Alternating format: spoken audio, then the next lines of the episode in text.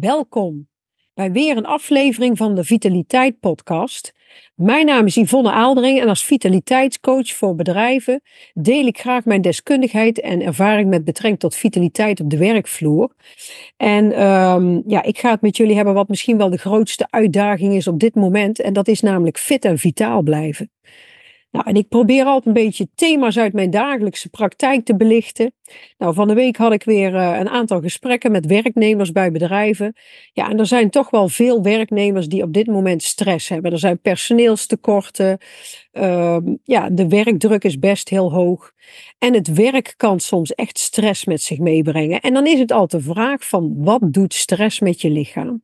Nou, en daar wil ik het uh, over gaan hebben. Nou, wil je wat meer weten van mij? Kijk dan ook gerust een keer op mijn website www.ivofit.nl of abonneer je op mijn YouTube of podcastkanaal. Nou, en dan uh, gaan we het dus vandaag hebben over het, uh, ja, het verband eigenlijk tussen stress en lichamelijke klachten. En um, ja, uit onderzoek blijkt dus dat 80 tot 90 procent van de gezonde normale mensen, die hebben één of meer lichamelijke klachten per week. En als je de meest voorkomende klachten zijn eigenlijk gewrichtsklachten, rugpijn, hoofdpijn, vermoeidheid, pijn op de borst, pijn in armen of benen, buikpijn en duizeligheid. En lang niet altijd gaat iemand met een lichamelijke klacht naar de dokter. De klacht is bijvoorbeeld na enkele uren of dagen alweer verdwenen. Heel veel dingen gaan ook vanzelf uh, voorbij. En meestal weten we zelf ook wel dat, wat de oorzaak van de klacht is. En kunnen we het herleiden. En er zijn ook maar weinig mensen die naar de dokter gaan als ze buikpijn hebben, als ze te veel gegeten hebben. Of die hoofdpijn hebben na een hele drukke dag, want die weten ook wel waar dat vandaan komt. dat zal je ongetwijfeld herkennen. Nou, de meeste lichamelijke klachten zijn gewoon onschuldig. met onschuldig bedoel ik dat er geen ernstige lichamelijke ziekte of afwijking in het lichaam aanwezig is. En lichamelijke overbelasting en stress zijn eigenlijk de meest voorkomende oorzaken van onschuldige lichamelijke klachten. Maar betekent stress dat de klacht psychisch is? Want er zijn echt wel mensen die voelen zich gewoon niet serieus genomen als de dokter zegt dat stress misschien de oorzaak is van een lichamelijke klacht. Want dan lijkt het of die dokter bedoelt dat de klacht is ingebeeld, ja, of dat men zich aanstelt. En als mensen stress hebben, dan gaat dit, um, ja, dan gaat eigenlijk bijna altijd gepaard met lichamelijke reacties. En het komt ook nogal eens voor dat dit ook het begin is van een lange zoektocht naar de lichamelijke oorzaak van de klacht. en ja, het is eigenlijk ook heel onjuist om te stellen dat er lichamelijk niets aan de hand is, want er is vaak wel echt een lichamelijke reactie op stress. en, maar dan kan men vaak geen lichamelijke afwijkingen of ziektes vinden, zoals bijvoorbeeld een hernia of een virusinfectie. Dat kan je echt aantonen dat is fysiek echt aantoonbaar. En om die reden zeggen dokters nog wel eens dat er lichamelijk niks aan de hand is. En dan kunnen mensen heel onbegrepen voelen, doordat er geen gevoelens zijn van stress of spanning, maar dat kan je natuurlijk ook onbewust, kan je daar last van hebben. Nou, en lichamelijke reacties op stress, die kunnen dus voorkomen zonder dat je daar erg in hebt en zonder dat we ons bewust gestrest voelen. En dat maakt het ook heel lastig. Nou, en wat is dan stress? Nou, stress betekent eigenlijk letterlijk spanning. Het brengt het lichaam in een staat van paraatheid. Stress zorgt ervoor dat het lichaam zich gereed maakt voor actie. dat is eigenlijk een oermechanisme. vroeger moest je altijd uh, bedacht zijn op gevaar, op bedreigingen. Je kon door een uh, sabeltandtijger aangevallen worden, of er kon iets gebeuren met je. Maar wat gebeurt er als jouw lichaam zich klaarmaakt voor die actie? Uh, want er gebeurt echt iets fysiek. Je hartslag neemt toe, de ademhaling wordt sneller, de spieren spannen zich aan. En deze lichamelijke reacties die worden in gang gezet door het hormoon adrenaline. En door deze voorbereiding kunnen we bedreigingen die op ons afkomen weerstand bieden. Ja, en daar wordt ook wel de vecht- of vluchtreactie genoemd. Nou, stress zorgt ervoor dat iemand hard wegrent als hij achterna wordt gezeten of op scherp staat als hij iets moeilijks moet doen. En als de dreiging of de moeilijke klus voorbij is, dan keert het lichaam gewoon weer terug naar zijn gewone staat. en dan ervaren we dat vaak als een opluchting. De spanning die glijdt van ons af. we ontspannen weer. Dus zo reageert het lichaam eigenlijk op stress of op gevaar, bedreiging. Um, mensen reageren niet alleen met stress op werkelijke gevaren, hè, zoals een auto die op ons afkomt waar je voor opzij moet springen. Nee, we reageren ook op gevaren die nog niet hebben plaatsgevonden. Gevaren die wij verwachten. Het idee van te laat komen, of uh, een examen doen, of het werk niet afkrijgen, dat is eigenlijk al reden genoeg om stress te krijgen. Terwijl het gevaar er nog niet eens is, maar we zijn er bang voor. En het nadeel hiervan is dat het lichaam zich voorbereidt op actie zonder dat het nodig is. Dus de energie hoopt zich op in het lichaam. Dit merken we doordat we ons s'avonds bijvoorbeeld moe en uitgeput voelen, zonder dat we die dag lichamelijk heel actief zijn geweest. En stress die lang aanblijft, dat wordt ook wel ongezonde stress genoemd. Stress wordt uitgelokt door een, een, stressor. Hè? En een stressor, dat kan van alles zijn. Dat kan zijn een, een ingrijpende gebeurtenis, maar ook een kleine dagelijkse irritatie, hè? zoals een file. En dat je daardoor bang bent dat je te laat komt.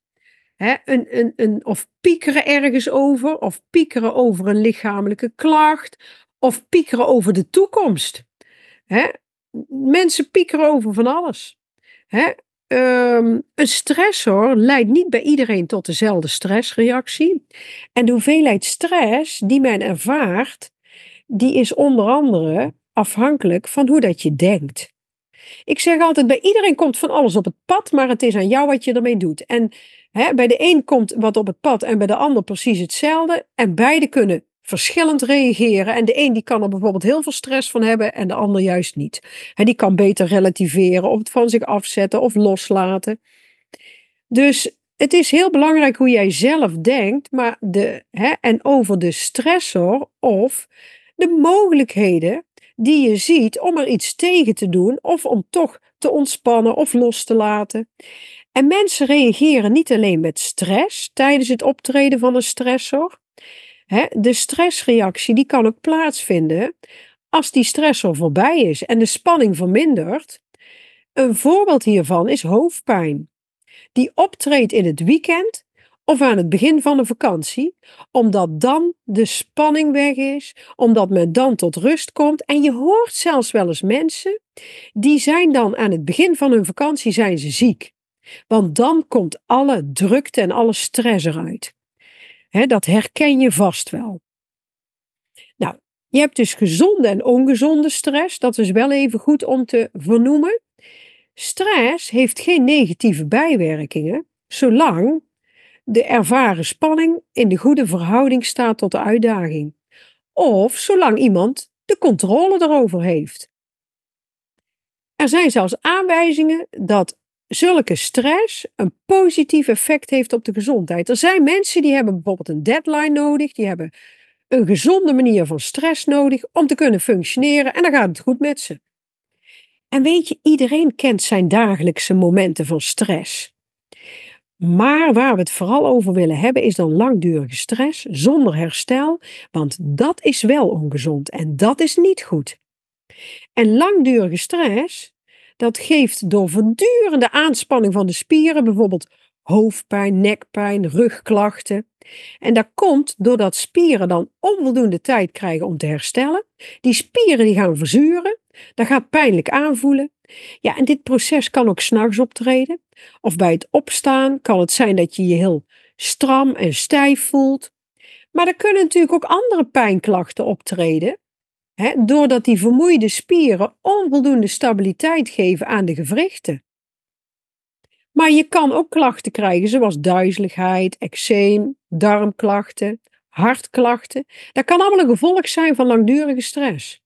En zeker die darmklachten, ik roep wel eens voor de grap, de darmen zijn onze emotionele hersenen.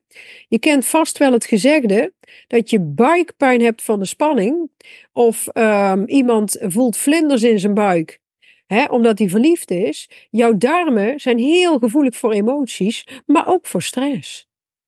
Hè? Dus, en daardoor kan het zijn dat je bijvoorbeeld obstipatie krijgt of uh, buikpijn van stress. Met andere woorden, een gezonde stressreactie die kan leiden tot lichamelijke klachten. Maar als dat te lang aanhoudt, dan kunnen er nog allerlei andere reacties ontstaan. Nou, wat ontstaat er? Wat voor reacties kunnen er ontstaan bij kortdurende stress? Dat, wat we dan zien is dat de spieren aanspannen, dat iemand dieper gaat ademhalen, dat er meer alertheid is, een schrikreactie, verwijding van de pupillen, een toename van de polsslag, een afname van bloedtoevoer naar de darmen, een afname van bloedtoevoer naar de hersenen en een verminderde activiteit van het immuunsysteem. Dit zie je al gebeuren bij kortdurende stress. Maar wat zie je dan gebeuren bij langdurige stress? Nou, dan zie je bijvoorbeeld dat iemand uh, hoofd, nek of rugklachten krijgt of stijfheid bij het opstaan, maar ook uh, hyperventilatie, slapeloosheid, koude handen en voeten, want die doorbloeding naar die uiteindes is minder, hè, want ik vertelde al dat er een afname van bloedtoevoer was. Wazig zien, dubbel zien, een hoge bloeddruk, hartklachten, maag- en darmklachten, maar ook duizeligheid en vatbaarder voor ziektes en infecties, want dit alles zorgt ervoor dat ook jouw uh, weerstand omlaag gaat. Dus het kan zijn dat je in een negatieve spiraal van stress komt en lichamelijke klachten. Nou, en die lichamelijke reacties die optreden bij stress, die kunnen soms bezorgdheid en irritatie oproepen. En irritaties kunnen mensen hinderen bij het uitvoeren van hun taken. Dus als er werknemers zijn die echt veel stress hebben, dan ga ik daar ook altijd mee aan de slag als vitaliteitscoach, want het heeft uiteindelijk ook invloed op hun werk. En niet alleen op hun privé. want als ze bijvoorbeeld veel hoofdpijn hebben, of ze zijn vermoeid, zijn ze natuurlijk ook minder productief, minder geconcentreerd. Ze kunnen hun werk minder goed doen. Maar hun weerstand gaat ook omlaag, dus het kan ook tot verzuim leiden. En in het ergste geval kan het natuurlijk leiden tot een burn-out. Dus het lang aanhouden van de klacht, dat kan tot ongerustheid leiden en je kan je afvragen van nou, hoe lang gaat dit nog duren? Gaat het nog ooit over? Ja, en zulke gedachten en irritaties, die kunnen ook weer leiden tot nieuwe stressreacties. En dan kom je in een soort negatieve spiraal terecht van stress, lichamelijke klachten en stress. Ja, en het gevolg daarvan is dat er uiteindelijk langdurige stress optreedt.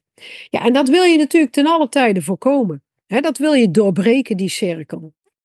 Nou, het is zelfs mogelijk dat de oorspronkelijke stressor dat die al lang verdwenen is, maar dat de lichamelijke klachten die erop volgden een nieuwe stressor vormen, doordat iemand heel erg met die lichamelijke klachten aan de slag had en zich daardoor weer zorgen maakt. Nou, een voorbeeld bijvoorbeeld Ehm, als gevolg van een reorganisatie op zijn werk kreeg een werknemer die kreeg last van stress. En hierdoor ontstonden er geleidelijke klachten van rugpijn. En toen de reorganisatie voorbij was, bleek dat eigenlijk een hele gunstige afloop te hebben voor hem. En dit voelde hij als een grote opluchting. Maar inmiddels had die werknemer nog steeds last van zijn rug. En daar maakte zich flinke zorgen over. En de reorganisatie op het werk van die werknemer, ja, dat is dan eigenlijk te beschouwen als de oorspronkelijke stressor. Hè? Maar die bezorgdheid over die rugpijn, dat kan je dan weer zien als een nieuwe stressor, want dan maakt hij zich inmiddels zorgen over. Hè? En dat is eigenlijk zijn, zijn stressbron. Nou, deze opeenvolging van stressreacties, die kan dan leiding, eh, aanleiding geven tot een misverstand. Mensen denken vaak dat stress geen rol speelt bij een lichamelijke klacht, omdat ze bij stress denken aan de beginstressor. Hè? Maar als die beginstressor voorbij is, dan denken mensen al snel dat hun stress voorbij is. Maar dan kunnen er nieuwe stressoren ontstaan hè, die volgen op die lichamelijke klachten en dat wordt vaak daarom als dusdanig niet herkend. Maar goed, de gevolgen van langdurige stress hè, is wel dat het lichaam weinig tijd heeft om te herstellen. En de stressoren die blijven te lang bestaan, die volgen elkaar te snel op, waardoor het lichaam uitgeput raakt. En iemand kan daardoor weer, zijn weerstand gaat omlaag, hij wordt vatbaarder voor ziektes en infecties. Ja, en ehm, ja, dat werkt uiteindelijk ook natuurlijk uh, allerlei fysieke klachten in de hand. En het voortdurend aanspannen van spieren kan leiden tot klachten, zoals chronische hoofdpijn, rugpijn. En die klachten kunnen ook leiden tot gedrag dat voor nieuwe problemen zorgt. hierbij kan je denken aan medicijngebruik, het verminderen van lichaamsbeweging. iemand heeft last van zijn rug en gaat daarom maar niet sporten. Dus naast stress spelen bij klachten die lang duren vaak ook andere factoren een rol. En die klachten kunnen dan hun eigen leven gaan leiden. en dan kan het weer zijn dat iemand bijvoorbeeld daardoor in één keer alleen maar met zijn rugpijn bezig is. Ik noem maar iets, dat is een voorbeeld. Nou, hoe weet je nou of je lichamelijke klachten gevolg van stress is? Of stress de oorzaak is van jouw lichamelijke klachten. Nou, dat kan je niet met een eenvoudige test kan je dat aantonen. Maar er kunnen wel gezocht naar, je kan wel zoeken naar aanwijzingen hiervoor. en daarvoor moet je eerst uitsluiten dat er geen lichamelijke factoren in het spel zijn, geen lichamelijke klachten zoals ziektes of afwijkingen. Nou, en als er geen duidelijke lichamelijke ziekte of afwijkingen worden gevonden, ja, dan kan het zijn dat stress een rol speelt. En een belangrijke aanwijzing hiervoor is het tegelijk optreden van verschillende klachten.